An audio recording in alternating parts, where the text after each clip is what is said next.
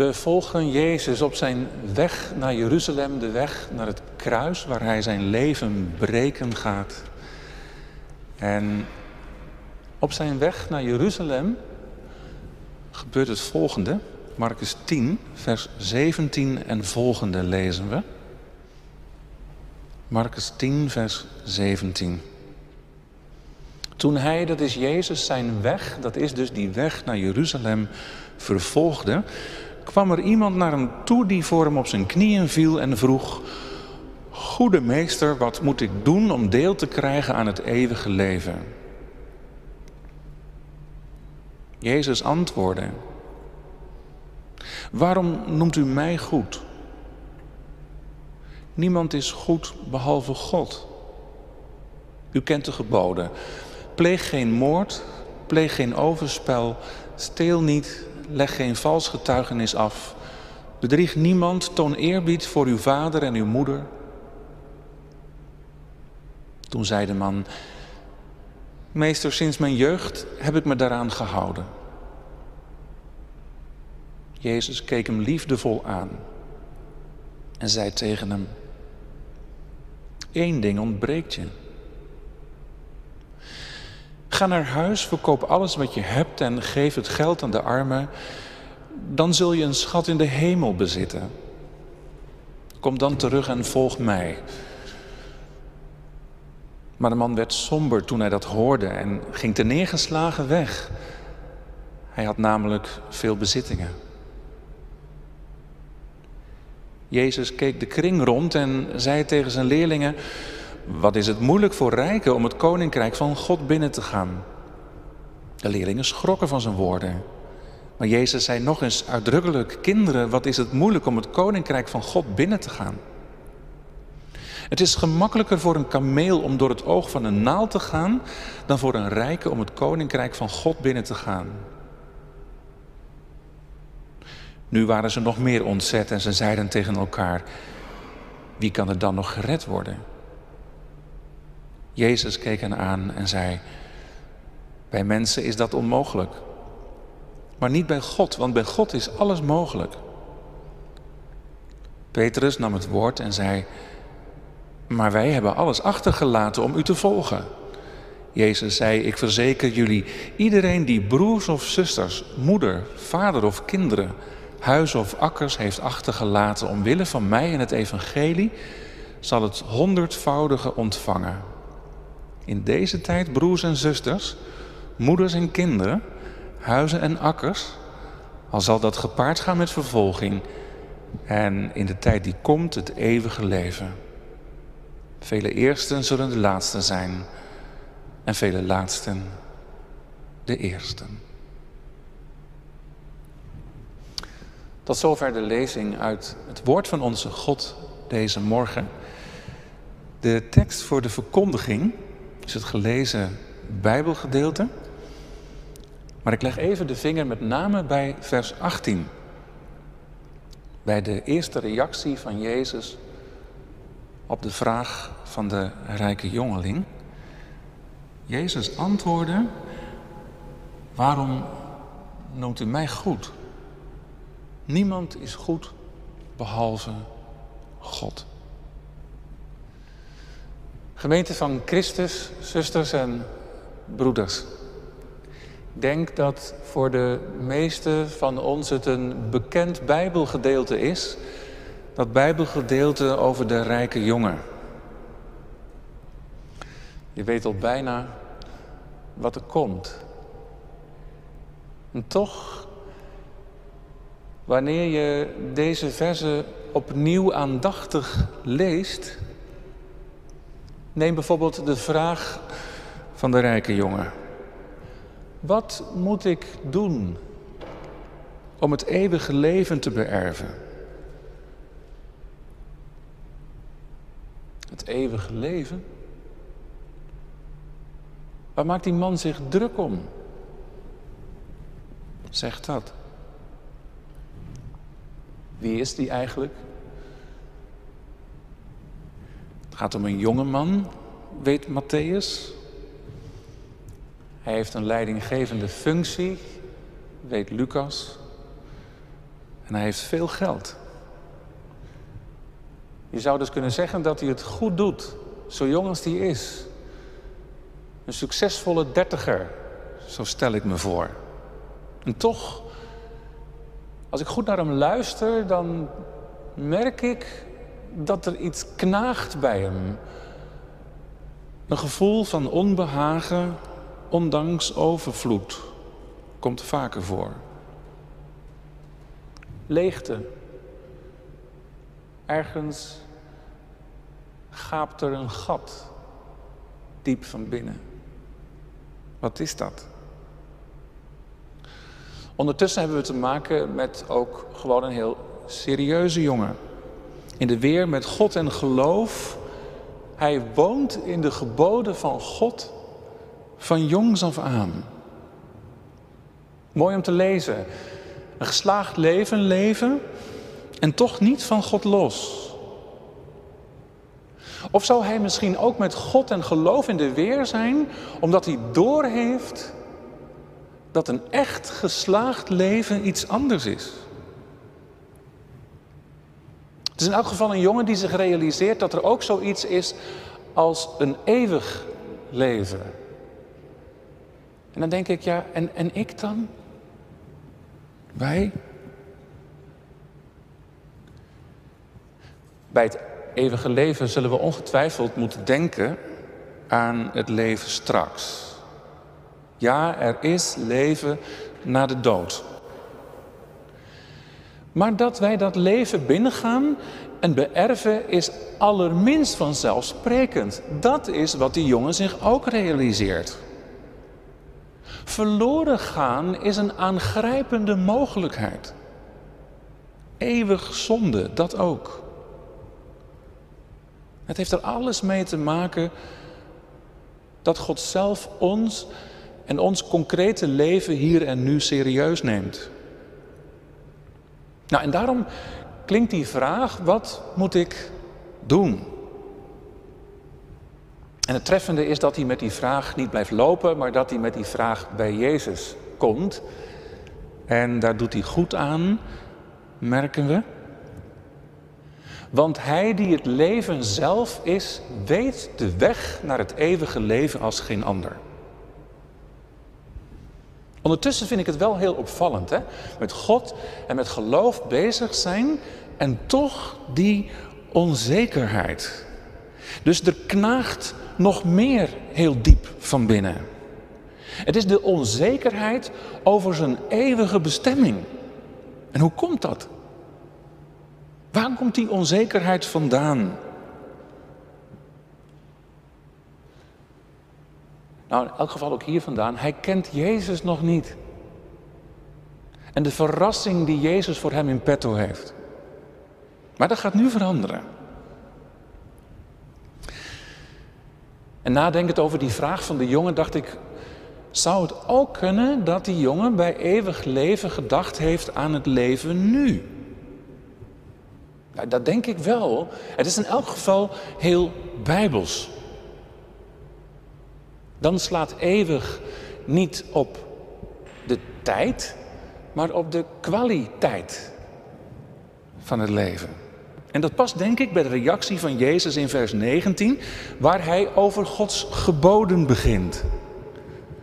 Dan kun je de vraag van de man zo verstaan: wat moet ik doen?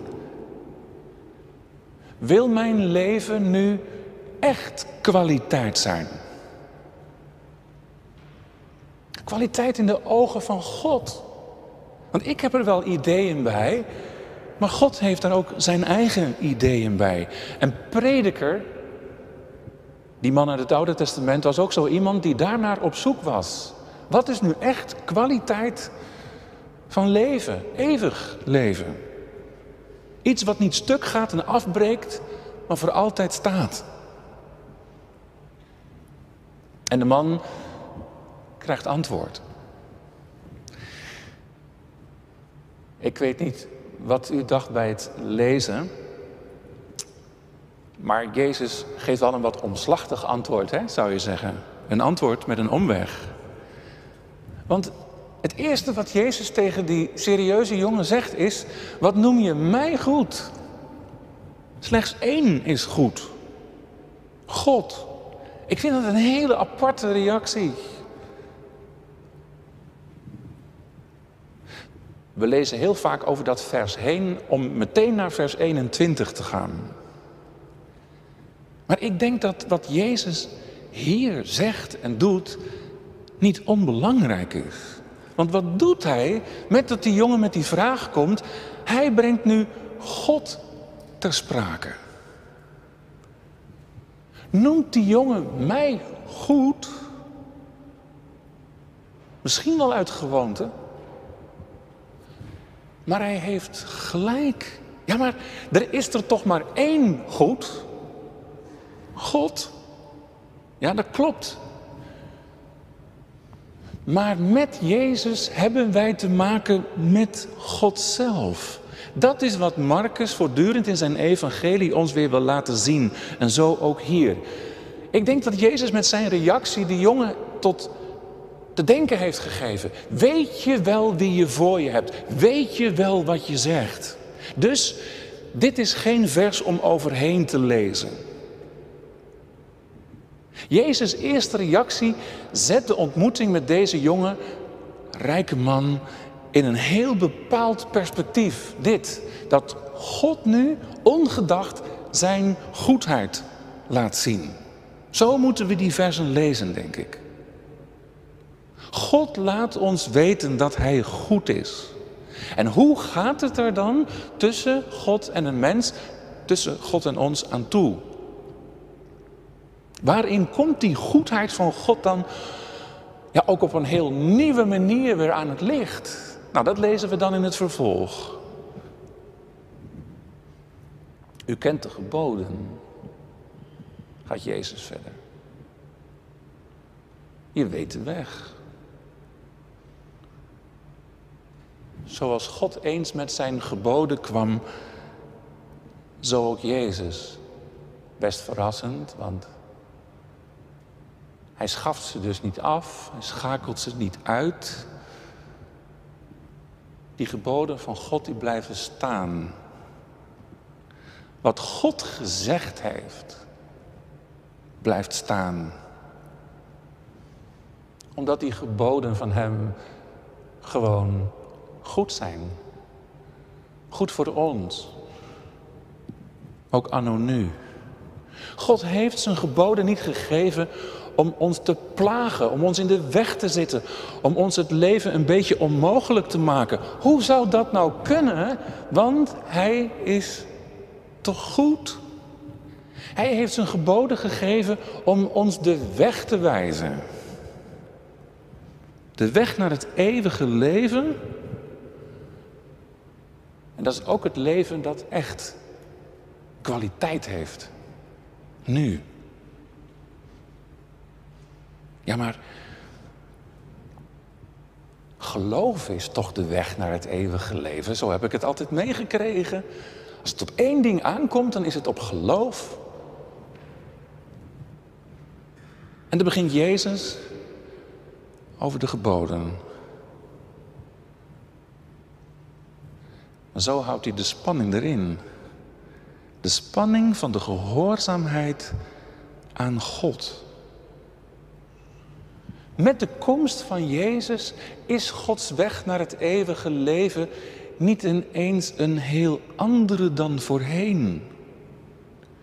Wij zullen zijn gebod serieus nemen. En als ik dan hierop inzoom, dan valt dit op dat Jezus uitsluitend de geboden noemt die op de tweede tafel van de wet stonden gebeiteld. Die geboden die gaan over onze verhouding tot de naaste. En dan vraag je je af, waar blijft nou de eerste tafel? Waar blijven nou die geboden die gaan over God en mijn liefde voor Hem? Ja, dat is nou precies de vraag, denk ik. Dat is het punt, het springende punt in dit gedeelte. Want op het moment dat die man zegt, meester, die geboden die heb ik bewaard, gehouden, gedaan van jongs af aan, stoot Jezus door.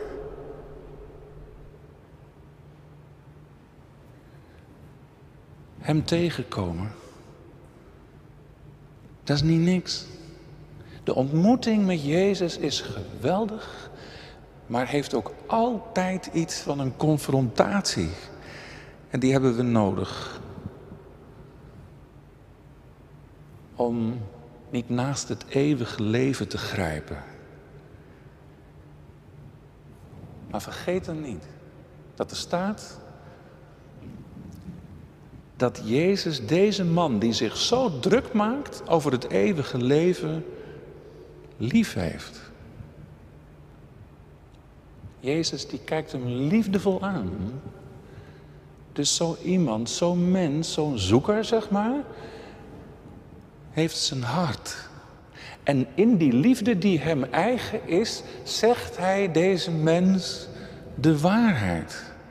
Opdat hij nu echt gaat vinden wat hij zoekt. Waar hij onrustig naar op zoek is. Het eeuwige leven. En wij ook. En dan zegt Jezus één ding. Ik denk, nou, dat is niet zoveel. Nee, maar dat ene kan wel heel veel zijn, als dat ene eigenlijk alles is. En dan zegt Jezus, verkoop wat je hebt en geef het de armen. Dat kan hij niet. Lezen we in vers 22. Hij gaat bedroefd weg. Jezus heeft een gevoelig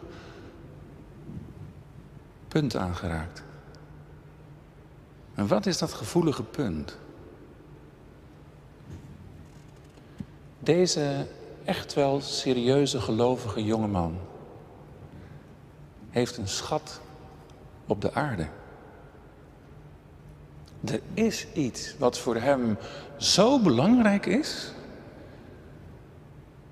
dat hij het niet durft en kan laten gaan. Want het geeft hem een gevoel van eigenwaarde. Het geeft betekenis en zin aan zijn leven. Houvast geeft het hem. Neem dat weg en hij is nergens meer. Dat kunnen wij ook hebben. En Jezus die trekt nou net daaraan. Wat is nu eigenlijk je troost? Je zekerheid? Wat is je geluk in dit leven? En straks als je sterven moet. Dat is een echte vraag. Heilzaam die confrontatie. Heilzame confrontatie, de ontmoeting met Jezus. En voor die man zijn dat zijn bezittingen. Voor die man is het zijn opgebouwde kapitaal.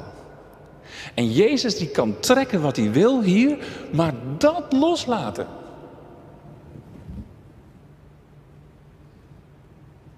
Hier is niet alleen inderdaad de tweede tafel in het geding, maar ook de eerste. De naaste kan het vergeten, de armen kunnen het vergeten. Maar God dan? De eerste tafel is in het geding dat God zijn schat is, dat God alles is. Dat je Hem lief hebt boven alles en iedereen. En begon Jezus daarom over God. In vers 18. Beste man, wat je moet doen voor het eeuwige leven,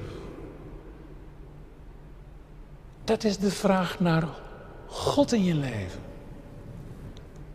Welke plek heeft Hij? Welke ruimte is er in je hart voor Hem? Maar ook, waar is je naaste? Hoeveel ruimte in je hart is er voor Hem?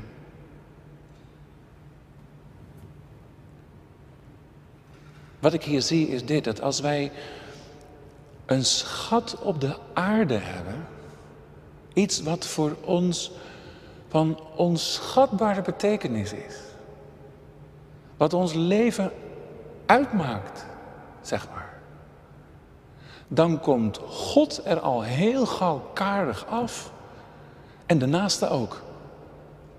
En ondertussen ben ik dan mijlen ver van het eeuwige leven.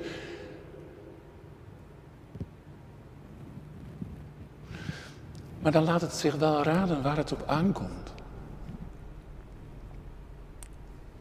Jezus legde de vinger bij. Als hij zegt verkopen, dan zegt hij eigenlijk tegen die man dat hij zich moet losmaken van zijn bezittingen. Want zijn bezittingen zijn zijn God geworden. Laat God je schat zijn. Laat God aan je leven betekenis geven. Laat de levende God hier en nu je geluk zijn en je zekerheid. En is die dat? Zou er in ons leven misschien iets kunnen zijn waar wij aan vastzitten, waar jij aan vasthoudt?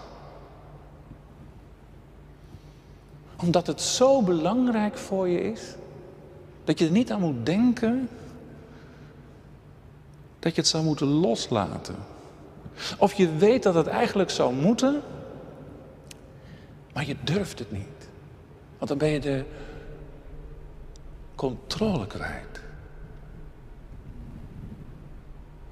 Jezus kon het zo aanwijzen in het leven van die man.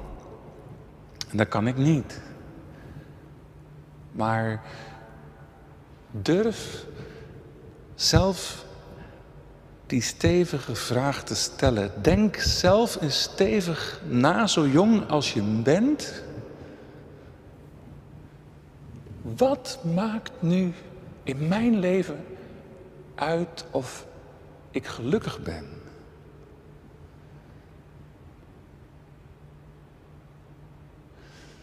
En als God het niet is, dan is het iets anders. Dan ben je de goden in je eigen leven op het spoor. Maar het linker is dat die een sta in de weg zijn naar het eeuwige leven, begrijp ik hier. Zou dat toch je werk kunnen zijn? Bekendheid. Die waardering van een ander van mensen. Dat je gezien wordt. Of zou dat toch dan gezondheid zijn? Gezond zijn, gezond blijven? Het sterke, strakke lijf?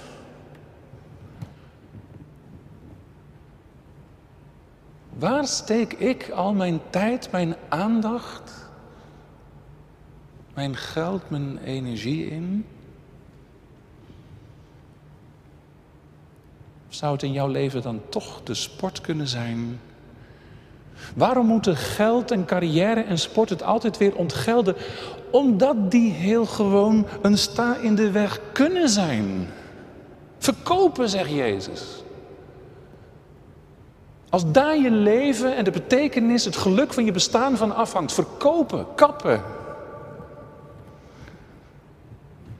Het lukt hem niet. En dat herkennen we toch wel. Hoe vast kun je niet zitten aan van alles en nog wat? Kappen, losmaken daarvan is even onmogelijk als het voor de Israëlieten onmogelijk was om zich uit de slavernij van Egypte los te maken. En die, die gebondenheid is nu precies onze verlorenheid. Daarin ligt de zonde. Dat niet God mijn leven is. Dat niet God mijn zekerheid. Dat niet God mijn alles is. Maar hoe keer je dat nou om? Wat jammer dat die jongen wegloopt. Dat is ook zonde. Want wie staat nu voor hem? Jezus is het die vanmorgen ons pad kruist. En dan denk ik, gelukkig maar. Hij is het die ons in onze gebondenheid en daarmee verlorenheid en onmacht om het anders te doen nabij komt en zegt: Volg mij. Wat moet ik doen? Volg mij, zegt hij ook. En dat zijn in zijn reactie de laatste woorden die hij tegen die jongen zegt. En ik denk dat in die laatste woorden het eigenlijke aan het licht komt. Dat dat de weg is naar het eeuwige leven. Volg mij. En als je dat nou doet, nu, wat kom je dan uit? Jezus volgend, deze weken komen we uit bij het kruis. En dan ben ik weer bij die goedheid van God. Want als nou ergens aan het licht komt dat God goed is. En hoe goed God is, dan wel daar. Wat moet ik doen? Zegt die man. En Jezus neemt hem bij de hand. Jezus neemt ons bij de hand en wil ons laten ontdekken. Dat niet wat wij doen ons het eeuwige leven geeft, maar wat Hij doet. Dat is het kruis. Jezus gaat weer op weg. Zo openen deze Bijbelversen. Heel opmerkelijk. Jezus gaat weer op weg. Dat is die weg naar Jeruzalem. Dat is die weg naar het kruis. En op die weg komt dan iemand naar hem toe die zegt: Wat moet ik doen? En daar gaat een streep doorheen. Jezus kruis is een openbaring, bevrijdend evangelie. Het eeuwige leven, dat is iets wat we mogen ontvangen. En ik mag het ontvangen om wat Hij heeft gedaan. Wie stapt ons leven vanmorgen binnen? Kruist ons pad. Hij is het die je losmaakt. Die de gevangenis sloopt. Die alles doet. Hij is je leven. Hij je echte geluk. En zolang je dat niet ziet, zul je met een gevoel van onbehagen blijven leven en blijven zoeken. Het allerbeste wat je kunt doen is je aan Hem, deze heiland, toevertrouwen. Gewoon elke keer weer opnieuw. Niet weglopen dus. Dat helpt niet. Laat Hem je helpen. Je redden. Om echt te kunnen leven met en voor God. Wat zou je je druk maken om het eeuwige leven? Nou ja, je kunt er ook naast grijpen. Wat moet ik doen? Bij Hem, bij mij beginnen, zegt Jezus. Volg mij. Weet je, dan zullen de geboden ook wel volgen. Dat je je naaste ziet en dat God boven alles gaat. Volg mij. Zo wint je leven ook gaandeweg aan kwaliteit. En ga je het eeuwige leven binnen. Nu. Mus Jacobsen dichten. En daar eindig ik mee. Hij zei, gij hebt vele dingen, maar één ding ontbreekt u. Armoe. Word arm met de armen. En volg mij om te erven leven dat niet kan sterven. Amen.